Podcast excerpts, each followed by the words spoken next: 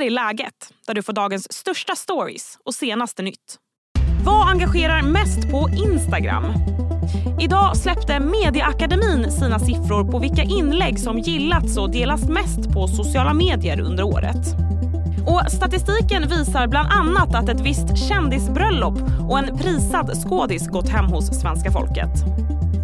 Det hör du om i dagens podd där du också får veta varför desserten har blivit en sån snackis efter Nobelfesten igår. Jag heter Sally Sjöberg. I studion finns Erika Eneström. Du är reporter på sociala medieredaktionen här på Expressen. Hej Erika! Hej Sally! Ja men det här är ju väldigt kul, väldigt spännande. Det är då Medieakademin som jag sa. De har kollat på vilka svenska inlägg som engagerat mest på Instagram, Facebook och X, eller tidigare Twitter då.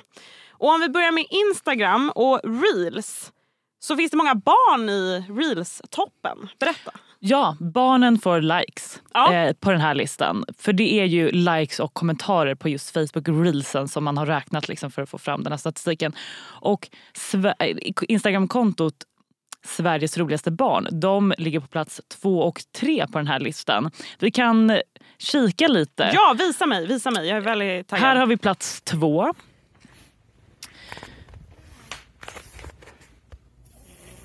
En eh, unge som man har tagit med till kontoret som har däckat rakt ner Ja. i bordet Ja, och ligger och snarkar. Okej, okej. Men- Och det, du sa att det finns ett till barnklipp som verkar gå hem.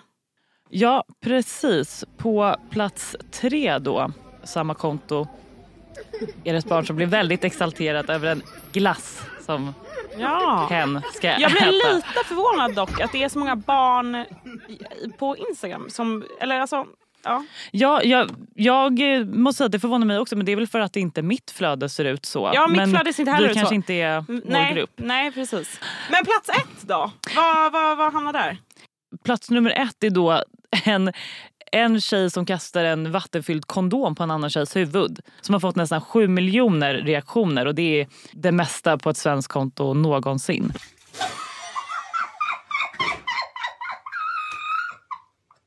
Okej, men vi, om vi då går vidare till inlägg, alltså bilder, så är det ju blev jag väldigt förvånad att Pernilla Wahlgren har tagit sig upp på bara några dagar.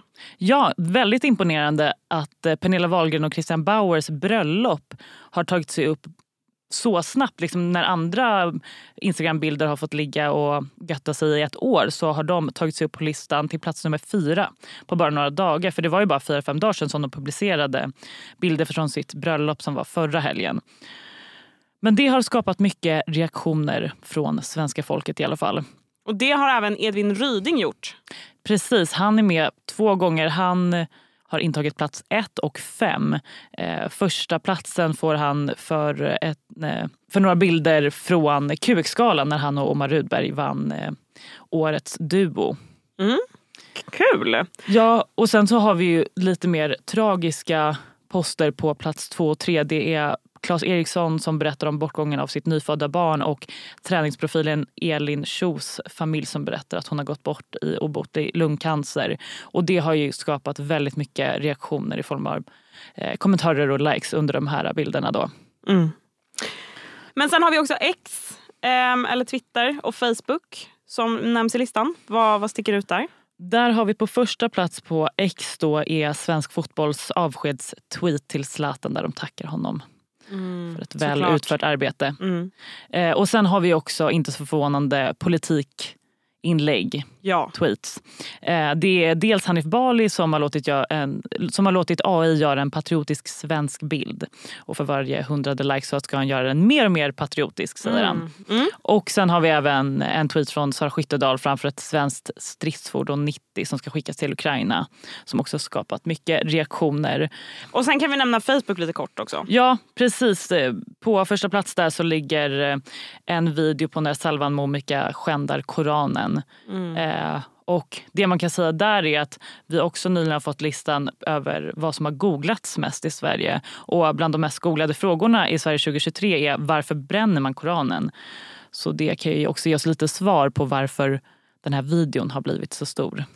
Verkligen. Men frågan är ju vilka trender som kan tänkas hålla i sig även nästa år.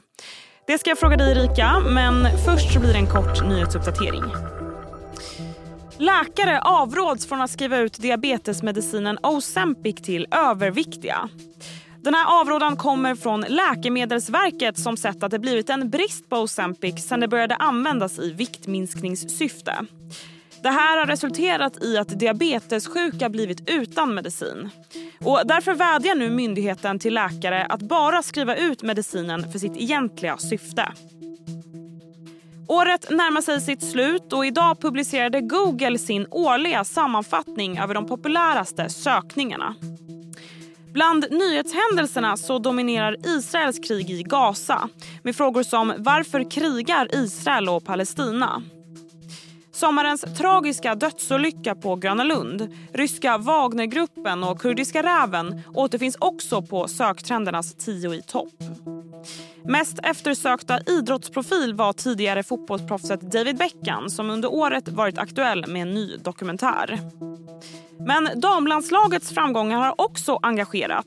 Det här med sökningar på spelarna Cecilia Musovic och Lina Hurtig. Idag skulle Donald Trump ha vittnat i det civilrättsliga målet mot honom i New York. Men med kort varsel så har ex-presidenten ändrat sig. Via sociala medieplattformen Truth Social så meddelade han att han inte kommer vittna. Ordagrant skrev han “Jag har redan vittnat till allting och har inget mer att säga förutom att det här är rent valfrusk från Biden-administrationen”. Hej, Ulf Kristersson här. På många sätt är det en mörk tid vi lever i. Men nu tar vi ett stort steg för att göra Sverige till en tryggare och säkrare plats. Sverige är nu medlem i Nato. En för alla, alla för en. Har du också valt att bli egen? Då är det viktigt att skaffa en bra företagsförsäkring. Hos oss är alla småföretag stora och inga frågor för små. Swedeas företagsförsäkring är anpassad för mindre företag och täcker även sånt som din hemförsäkring inte täcker. Gå in på swedea.se företag och jämför själv.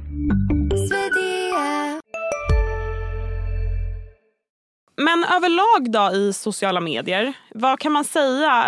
Det känns ju som att humor, mat men också ja, men lite mer tragiska inlägg går hem. Ja precis, för jag tänker att humor och mat har ju stor konkurrens internationellt också. Jag vet att jag till exempel har bara nästan internationella videor, humorvideor och matvideor i mitt flöde i alla fall på Instagram. Men däremot de här hjärtskärande inläggen det är väl ofta svenska inlägg som, som berör där och som, eh, som man väljer att liksom like och kommentera för att visa sitt stöd till de personerna. Mm, mm. Något som förvånar lite dock är att eh, Medieakademin lyfter liksom Facebook, X och Instagram men TikTok och Youtube syns inte med. Nej, det förvånade mig också lite faktiskt. De har ju släppt en lista tidigare år över eh, vilka konton som är mäktigast på de medieplattformarna. Men eh, de är inte med här över vilka inlägg eller poster som är mest mm. poppis. Det förvånar lite. Mm. Jag hoppas mm. att de eh, tar in de eh, plattformarna till nästa år. Vad tror du eh, framåt? Kommer det se ut likadant? Kommer, kommer samma typer av inlägg vara, vara, vara högt upp på listan? Ja, över, när det kommer till reaktioner, eftersom att det är det de har mätt här, eller mätt statistiken på, då då tror jag faktiskt det. För att även om räckvidden kan vara större på vissa andra typer av inlägg, mer tragiska händelser, så tror jag inte att folk likar det. Man får, jag vet inte om du kan känna igen det där att man får nästan lite dåligt samvete om man likar någonting som är helt fruktansvärt. Ja, ja. Man, det är som att man står för det bara för att man likar det. Men det, mm. Jag tror att vi är fler som har liksom kollat på en video och varit i valkval. Ska jag lajka det här ja, eller inte? Men, men just de här humor, mat och de här liksom, ja, det är också hjärtskärande men på ett annat sätt kanske. De inläggen, de mm. Eh, är mer självklara mm. och kommentera tror jag. Så att ja, jag tror nog att det kommer att se ganska likt ut framöver. Spännande, spännande. Tack snälla Erika. Stort tack. Och härnäst i läget så hör du om Nobelmiddagens meny. Varför har desserten blivit en sån snackis? Först blir det dock fler nyheter. Idag skulle den traditionella julgransflygningen ske över Skåne och Blekinge. Alltså den flygning som sker i december varje år när det går att se JAS-plan susa förbi på himlen i en formation som ser ut som en julgran. Men vädret har varit för dåligt och därför innebär det här att det inte kommer bli någon julgransflygning alls över Skåne och Blekinge i år. Hej, Synoptik här. Hos oss får du hjälp med att ta hand om din ögonhälsa. Med vår synundersökning kan vi upptäcka både synförändringar och tecken på vanliga ögonsjukdomar. Boka tid på synoptik.se. Igår gick Nobelfesten av stapeln. Festen som traditionsenligt höll till i Blå hallen i Stadshuset i Stockholm bjöd på både spektakulära klänningar och blomsterarrangemang men även riktigt lyxig mat. Hur såg menyn ut och vad berättar den här menyn om vad som går hem i fine dining just nu? Jag har med mig Maja Andersson. Du är reporter på Allt om mat som har träffat både kocken och konditorn som gjorde Nobelmenyn. Hej Maja! Hallå Sally, hej. Hej! Ja, men vad tycker du? Alltså, man går ändå igång på Nobelmeny. Ja, men man gör ju det. Det är ju liksom en av världens mest eh, prestigefyllda och eh, uppmärksammade middagar. Eh, så det är klart, och det är mycket flärd och det är fint, och det är lyxigt och det är mycket som ska klaffa. Det är liksom kul att följa hela eventet och hela middagen. Exakt. Och du träffade ju kockarna innan. Vad, vad sa de om hur de kände inför den stora festen? Ja men precis, jag pratade med både Jakob och Annie där eh, när det eh, presenterades att det är de som kommer göra, skulle göra middagen. Eh, och eh, de var ju såklart extremt taggade. Det är ju, det, men för många kockar är ju det här det största man gör i karriären. Eh, så de var ju supertaggade men också nervösa, allt ska klaffa dagarna innan. Eh, mycket som ska funka logistikmässigt eh, inte bara att det ska bli gott, det ska också vara varmt till exempel. Så det är, det är mycket som ska klaffa, även om de har ju så stenkoll och har ju hållit på med det här extremt länge. Men de var, det kändes som att de var väldigt taggade inför att det bara skulle dra igång. Mm. Gud vad kul. Men vad kan du berätta då om vad det bjöds på igår? Ja, men alltså det var ju en eh, meny som, eh, som alltid är det väldigt mycket fokus på svenskt, svenska råvaror. Eh, vi såg, eh, Jakob hade jobbat väldigt mycket med fisk eh, och skaldjur. Så det var, ja, men det var som en hyllning till havets eh, olika eh, läckerheter. Det var alger från västkusten, krondill, kungskrabba, musslor, torsk. Så det var verkligen, fokuset låg verkligen där i hans både förrätt och varmrätt. Mm. Eh, och sen så hade han också kroppkakor på menyn, vilket är lite kul också, sån klassisk svensk grej. Eh, kan inte bli mer svensk egentligen. Nej, verkligen. Men, men jag tycker jag har sett allra mest snack om desserten. För där var det någon eh, lite ovanlig ja. ingrediens i. Jo, men precis. Det var det verkligen. Det var en chokladdessert, så det var en chokladkräm. Eh, och sen så var det mycket lingon, fokus på lingon. Hon, hon hade en lingonkompott och en lingonsmörkola. Eh, men sen hade hon ju då den här väldigt speciella ingrediensen som var en kärsirap, alltså kära, nerkokt eh, som hon har blandat ut med socker vilket ju låter helt ja. eh, knasigt. Va, va, kär, alltså hur utvinner man det? Jag fattar inte hur det kommer in i maten. Jag vet inte exakt nej, hur nej, hon har gjort. Det är, inte, det är inte tekniskt men nej. hon förklarade det som att hon alltså har kokat ner kära.